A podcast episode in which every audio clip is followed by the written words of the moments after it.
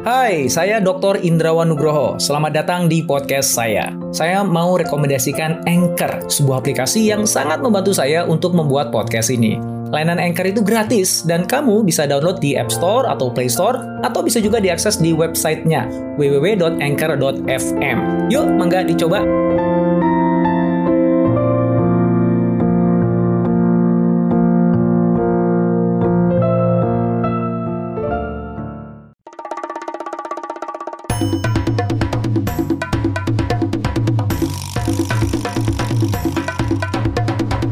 Kini Podcast Network.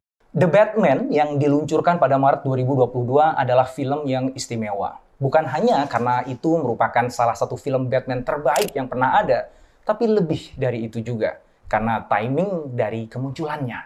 The Batman diluncurkan ketika kita tengah dilanda pandemi dan menghadapi ancaman perang dunia ketiga. Dua tahun terakhir, dunia kita terasa seperti Gotham. Murung, serba tak pasti, kacau, dan kehilangan kendali semua orang berjuang, berusaha bertahan hidup dengan caranya masing-masing. Dalam film Batman yang baru ini, Batman menyelidiki pembunuhan yang membawanya ke masa lalunya sendiri.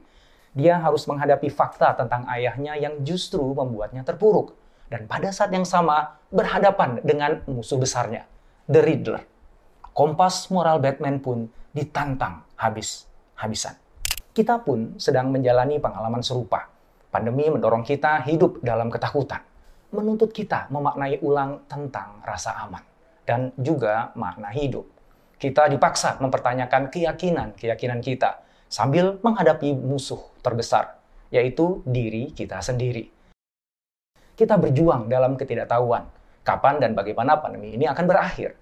Dalam beberapa hal, kita menyerah pada kelemahan kita. Kita menjadi korban ketakutan diri kita sendiri dan seperti Batman, kita semua berpegang teguh pada satu-satunya hal yang membuat kita tetap waras. Harapan. Kita terus berjalan. Dan dalam prosesnya, kita belajar lebih baik tentang diri kita. Dan sebagian dari kita bahkan menjadi lebih kuat dari sebelumnya. Kita semua bisa belajar dari Bruce Wayne, bagaimana dia bertahan dari trauma masa kecilnya, dan bertransformasi secara bertahap menjadi sosok Batman The Batman dengan baik menggambarkan Bruce yang baru dua tahun menjalani hidup sebagai Batman. Masih belajar, masih meraba-raba apa yang harus dilakukan. Dan kerap kali babak belur dalam prosesnya. Masalah pribadinya juga banyak. Tapi itu tidak menjadikan dia abai pada kehidupan di sekitarnya. Ia terus berjuang untuk memperbaiki Gotham dan bangkit melawan kejahatan. Tidak peduli bagaimana dia dipukuli, dia selalu kembali berdiri tegak tidak peduli berapa kali dia gagal, dia selalu bangkit. Di masa-masa sulit ini, kita semua perlu dan sebetulnya bisa menjadi Batman. Kita akan membahas bagaimana Anda bisa melakukannya.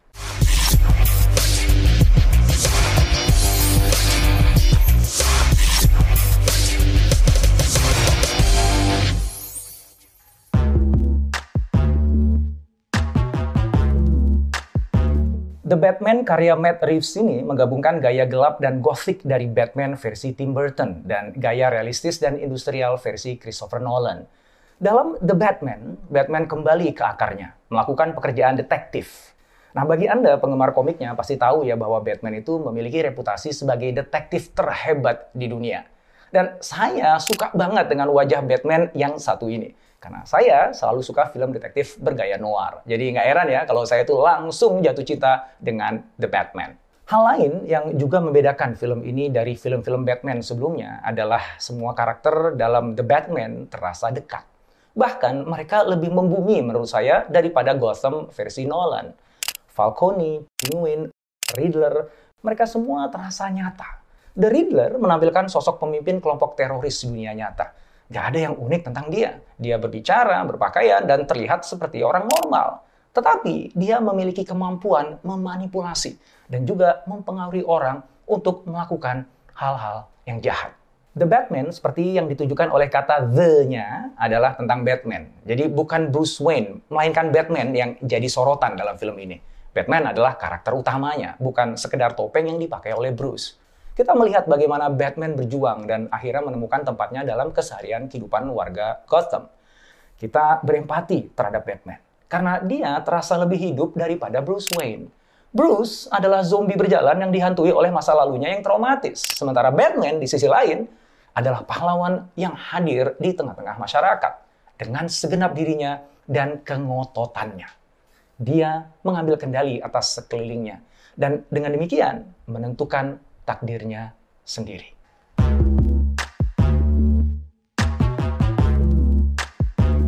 Gotham adalah alegori untuk dunia di dalam kepala Bruce. Berkabut, gelap, gothic, sekaligus modern, menyerupai alam mimpi. Semua itu adalah cermin sempurna dari bagaimana Bruce melihat dunia di sekitarnya. Kota Gotham yang korup dan membusuk melahirkan penjahat-penjahat kakap dan juga teri. Mereka adalah produk Gotham. Setiap karakter, pahlawan maupun penjahat, menderita trauma yang membentuk mereka menjadi siapa mereka. Setiap penjahat kota Gotham adalah cermin yang rusak dari figur Batman. Lalu kenapa Bruce Wayne tidak tumbuh menjadi penjahat? Nah, seperti yang dikatakan Edward the Riddler dalam filmnya, Bruce tidak seperti anak yatim piatu Gotham lainnya. Bruce tinggal di rumah yang aman, dirawat dan dicintai oleh butler kepercayaannya, Alfred, yang telah menjadi figur ayah bagi Bruce. Tanpa itu semua, niscaya Bruce juga bisa dengan mudah menjadi penjahat. Bruce hampir jatuh dalam kegelapan ketika menemukan kebenaran tentang keterlibatan ayahnya dalam kematian seorang reporter. Jika bukan karena Alfred yang membuatnya melihat sisi lain dari apa yang terjadi, mungkin kita nggak akan melihat Batman seperti yang kita kenal sekarang. Jika situasi Gotham dapat mendorong orang yang jujur, cerdas, dan kaya seperti ayahnya Bruce, Thomas Wayne, untuk melakukan sesuatu yang begitu mengerikan, sekarang bayangkan apa yang dapat dilakukan Gotham terhadap warga biasa.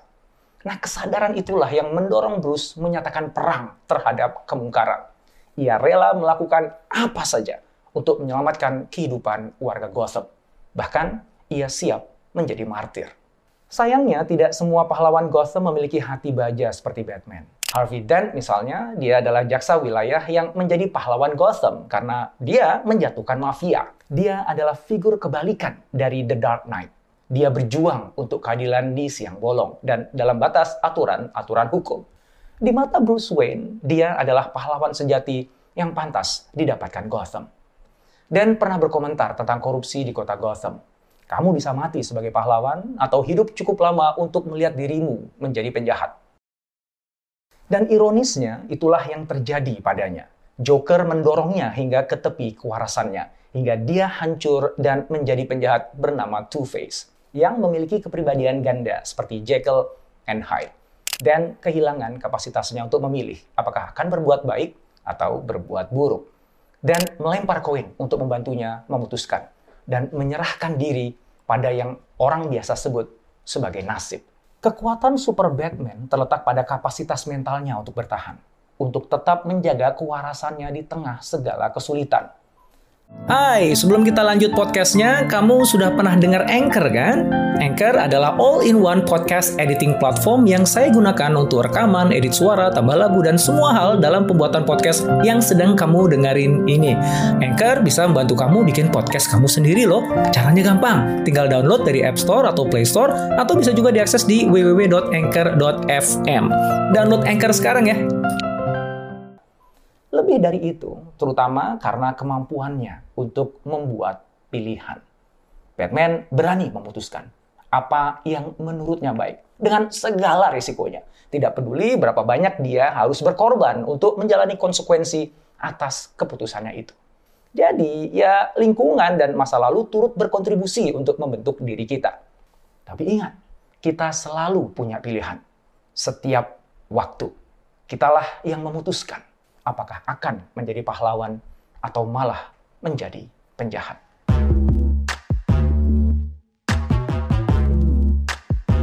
Ketakutan adalah tema sentral dari Batman. Dalam versi Nolan, ketakutan Batman secara tidak langsung menyebabkan kematian orang tuanya. Dia dihantui rasa bersalah, tapi dia belajar agar rasa bersalah itu tidak melumpuhkannya, melainkan diarahkan untuk memerangi kejahatan dan berjuang untuk mewujudkan dunia yang diinginkannya. Bruce ingin memastikan bahwa tidak ada yang perlu menderita seperti dia. Dia mengubah ketakutan menjadi kekuatan. Jadi, alih-alih dihindari, dia justru menghadapi ketakutan secara langsung dan mengubah rasa takutnya menjadi senjata yang menyerang jantung musuhnya. Batman jauh dari sempurna. Bagaimanapun dia adalah manusia. Dalam film Batman vs Superman, kita melihat bagaimana keputusasaannya bahwa segala sesuatunya di kota Gotham tidak jadi lebih baik. Ternyata membuat Batman menjadi jahat. Well, here I am. Dia marah, dia memburu, dia mencap korbannya. Dia menjadi antagonis. Bahkan ketakutannya pada Superman juga membuatnya buta. Dia ingin membunuh Superman. Dan dalam satu tusukan tombak berkripton, sebenarnya Batman mampu menghabisi nyawa Superman. Lalu kemudian dia sadar, jika dia melakukan itu, dia akan kalah dalam pertempuran terbesar yang telah dia lawan sepanjang hidupnya. Pertempuran untuk harapan, untuk kebaikan hati manusia, untuk Gotham yang dia impikan. Batman akhirnya menang, tapi tidak dengan membunuh Superman, melainkan dengan menghentikan dirinya sendiri dari membunuh Superman. Ia mengalahkan kemarahan dan ketakutannya sendiri. Batman menjalani hidupnya di ujung tanduk. Bukan hanya karena dia harus terus melawan penjahat-penjahat besar, tetapi karena dia harus terus membuat keputusan yang sulit, yang terus menguji moralitasnya. Maka Bruce menciptakan Avatar, yaitu figur Batman dengan kekuatan moral yang tak kenal kompromi.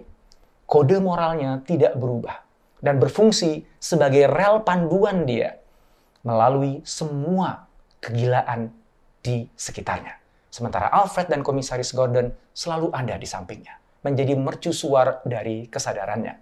Keduanya memiliki peran krusial dalam meredam gairah dendam Batman dan di saat yang sama melindungi pijakan moralnya.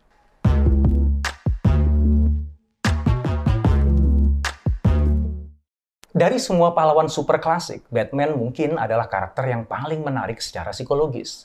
Batman juga melawan penjahat yang paling kompleks kondisi psikologisnya. Dan ingat, penjahat yang dilawan mendefinisikan sosok sang pahlawan. Bruce menunjukkan tanda-tanda post-traumatic disorder atau gangguan stres pasca trauma. Dia sering mengingat kembali malam kedua orang tuanya terbunuh di depan matanya. Namun, alih-alih melumpuhkannya, trauma itu justru memicu disiplin diri yang tinggi dan fokus yang kuat dalam diri Bruce. Ketidakberdayaan Bruce ketika orang tuanya dibunuh memicu dorongan masif untuk melindungi, untuk melawan kejahatan. Dalam pandangan saya, itulah yang membuat Batman menjadi superhero yang lebih baik daripada metahumans yang sudah dari sananya memiliki kekuatan super. Dalam banyak cerita Batman, kita menyaksikan kerap terjadi pertarungan terbesarnya adalah melawan dirinya sendiri dia berusaha mengatasi trauma dan kelemahan dirinya sendiri. Kita melihat dia merasakan sakit secara fisik dan juga emosional. Dan ketika dia mampu mengalahkan dirinya sendiri, dia bisa mengalahkan apa pun atau siapa pun. Kita saksikan Batman gagal dan gagal lagi, membuat pilihan sulit berulang kali. Harus menanggung kesulitan lagi dan lagi. Tapi Batman terus bangkit, menghadapi tantangan, menolak untuk menyerah. Di dalam dirinya sendiri, Bruce Wayne sesungguhnya tidak punya apa pun yang membuatnya otomatis jadi superhero. Dia hanya manusia biasa. Tapi dia mendorong dirinya sendiri untuk mencapai kekuatan dan keterampilan yang paling maksimal yang dapat dikembangkan dari seorang manusia. Dan pada hal-hal yang manusia tidak mungkin lakukan, ia manfaatkan teknologi canggih. Di dunia Gotham yang suram, Batman adalah orang buangan. Namun ia mewakili mercusuar harapan. Dia mengejar keadilan di dunia yang tidak adil. Dia membuat makna di dunia yang tidak berarti. Batman menginspirasi kita semua.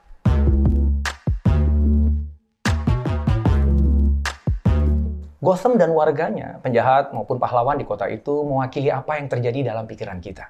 Ada pertempuran sisi baik dan sisi jahat dalam diri kita semua apa pun yang kita konsumsi dan masukkan ke dalam pikiran kita akan tumbuh dan membesar. Jadi, kita perlu memastikan bahwa kita berakhir seperti Batman, bukan seperti penjahat atau sekedar korban kebusukan dari kota Gotham. Belajar dari film-film Batman selama beberapa dekade, setidaknya ada tiga tindakan yang perlu kita ambil dan tumbuhkan di dalam diri kita agar kita mendapatkan kekuatan super kita kekuatan yang sangat kita butuhkan untuk menghadapi tantangan saat ini dari dunia yang bergejolak, tidak pasti, kompleks, dan ambigu seperti yang kita tinggali sekarang. Pertama, kuasai rasa takutmu. Tujuan kita bukanlah untuk menjadi tidak takut, tetapi untuk menguasai rasa takut kita. Ketakutan adalah alat yang membuat kita tetap waspada dan terus mengasah diri dan kemampuan. Dengan begitu, rasa takut tidak membuat Anda jadi lumpuh, malah justru membuat Anda maju, membantu Anda mengantisipasi apa yang akan datang. Ini memberi Anda kekuatan untuk mengambil tindakan nyata yang bermakna. Kedua, buat pilihan yang tepat.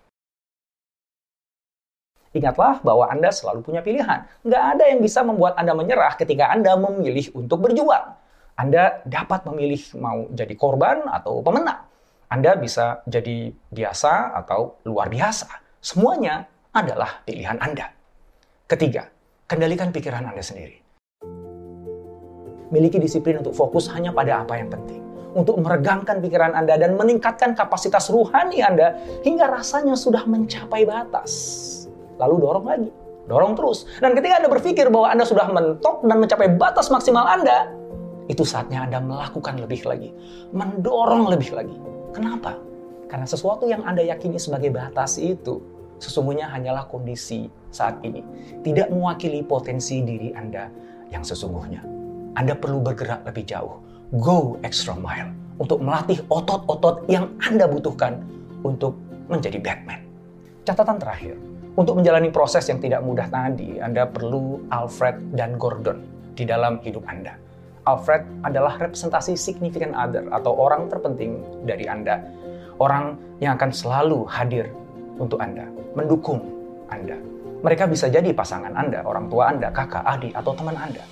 Sementara Gordon adalah rekan bisnis atau rekan kerja terpercaya Anda.